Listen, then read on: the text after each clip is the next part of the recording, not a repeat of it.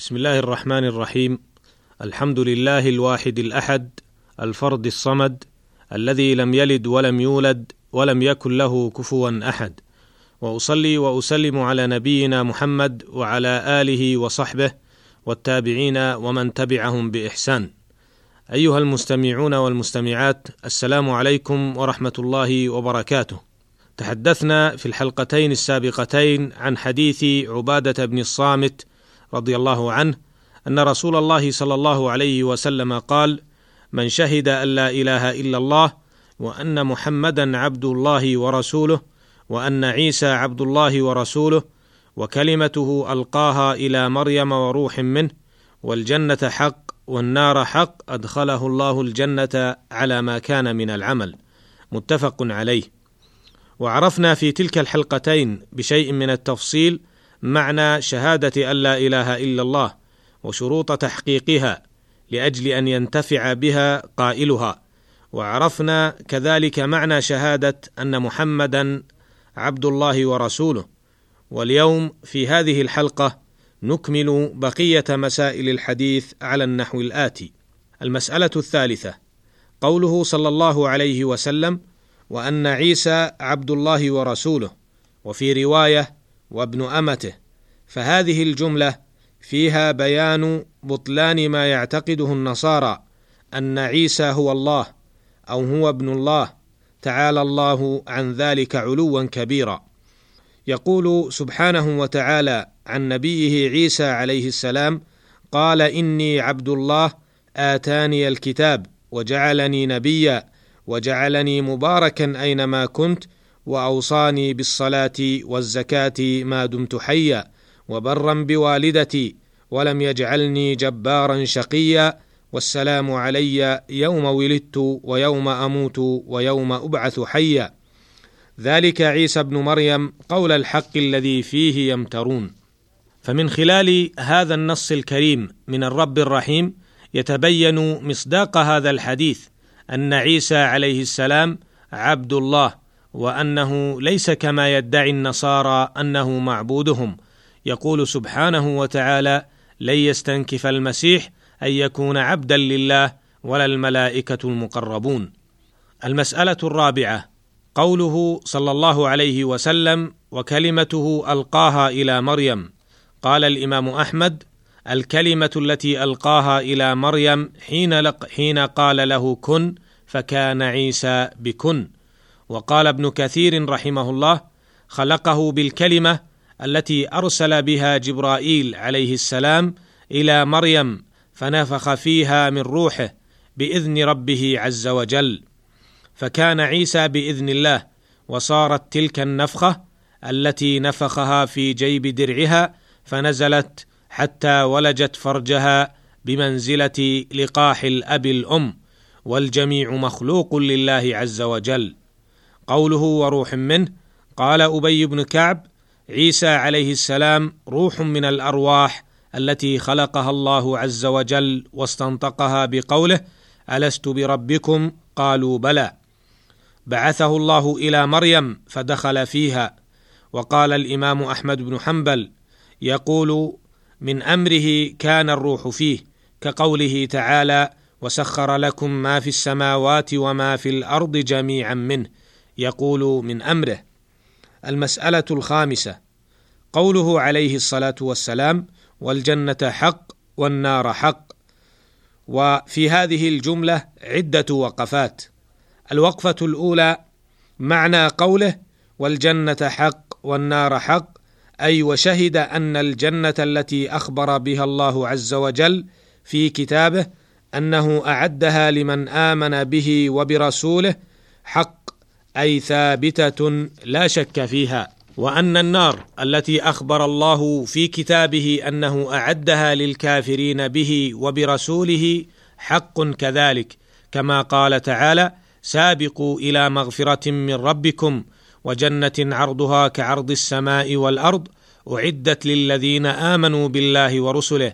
ذلك فضل الله يؤتيه من يشاء والله ذو الفضل العظيم.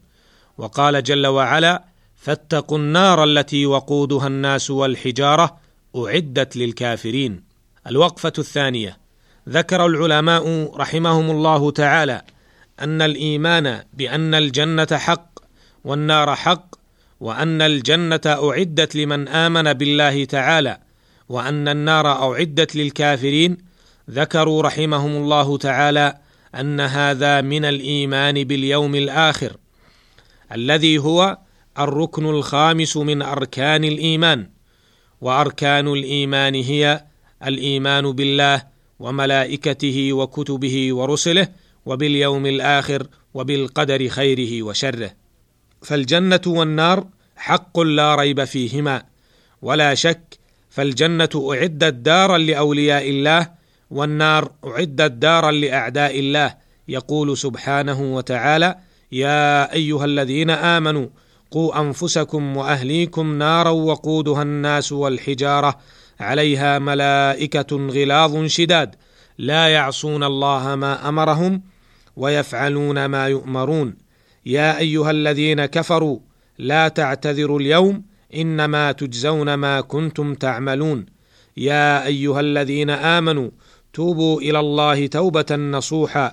عسى ربكم أن يكفر عنكم سيئاتكم ويدخلكم جنات تجري من تحتها الأنهار. ويقول جل وعلا واتقوا النار التي أعدت للكافرين. وأطيعوا الله والرسول لعلكم ترحمون. وسارعوا إلى مغفرة من ربكم. وجنة عرضها السماوات والأرض أعدت للمتقين. ويقول سبحانه وتعالى فاتقوا النار التي وقودها الناس والحجارة أعدت للكافرين. ويقول جل وعلا وكفى بجهنم سعيرا. إن الذين كفروا بآياتنا سوف نصليهم نارا. كلما نضجت جلودهم بدلناهم جلودا غيرها ليذوقوا العذاب. إن الله كان عزيزا حكيما. والذين آمنوا وعملوا الصالحات سندخلهم جنات تجري من تحتها الأنهار خالدين فيها أبدا. لهم فيها أزواج مطهرة وندخلهم ظلا ظليلا. ويقول جل وعلا إن الذين لا يرجون لقاءنا ورضوا بالحياة الدنيا واطمأنوا بها والذين هم عن آياتنا غافلون أولئك مأواهم النار بما كانوا يكسبون. إن الذين آمنوا وعملوا الصالحات يهديهم ربهم بإيمانهم جنات تجري من تحتها الأنهار في جنات النعيم دعواهم فيها سبحانك اللهم وتحيتهم فيها سلام وآخر دعواهم أن الحمد لله رب العالمين. إلى غير ذلك من الآيات الكثيرة التي تتحدث عن الجنة والنار والتي لا يتسع المقام لحصرها وعليه فلا بد للمؤمن أن يؤمن إيمانا تاما بهما ويعد العدة لهما إن في ذلك لذكرى لمن كان له قلب أو ألقى السمع وهو شهيد. الوقفة الثالثة إن المسلم لا يكفي منه أن يؤمن إيمانا نظريا بأن الجنة حق والنار حق بل لا بد أن يقرن ذلك بالعمل بما يدل على إيمانه بهما وأن الخلق مآلهم إليها وأن الخلق مآلهم إليهما. لا بد أن يصدق الإيمان النظري القولي إيمان عملي فيطبق أحكام الإسلام في واقع حياته العملية. فمن يحب أن ينجح في الامتحان لا بد وأن يذاكر ويستعد. ومن يريد أن يصل سالما وهو مسافر بسيارته لا بد وأن تكون السيارة سليمة من العيوب. ومن يريد الربح من تجارته لا بد وأن يحسب حسابه قبل ذلك. ومن يريد تحقيق الإيمان لا بد من قرن العمل بالقول والاعتقاد. لكن من خالف ذلك بعمله فجزاؤه وفاقا من جنس عمله. المسألة السادسة قوله صلى الله عليه وسلم أدخله الله الجنة على ما كان من العمل. هذه الجملة جواب الشرط الذي في أول الحديث حيث قال صلى الله عليه وسلم من شهد أن لا إله إلا الله وأن محمدا عبده ورسوله وأن عيسى عبد الله ورسوله وأن الجنة حق والنار حق الجواب عن ذلك أدخله الله الجنة على ما كان من العمل. هكذا جزاء من وحد الله تعالى واتبع رسوله صلى الله عليه وسلم وآمن باليوم الآخر فمآله إلى الجنة جزاء من ربك عطاء حسابا. ويفهم منه أن من خالف ذلك كمن لم يوحد الله تعالى أو لم يتبع نبيه صلى الله عليه وسلم أو كفر باليوم الآخر ونحو ذلك فمأواه النار والعياذ بالله جزاء وفاقا. أيها المستمعون والمستمعات اعلموا أن ما خلقنا الله تعالى في هذه الدنيا ابتلاء واختبارا كما قال جل وعلا تبارك الذي بيده الملك وهو على كل شيء قدير الذي خلق الموت والحياة ليبلوكم أيكم أحسن عملا وهو العزيز الغفور.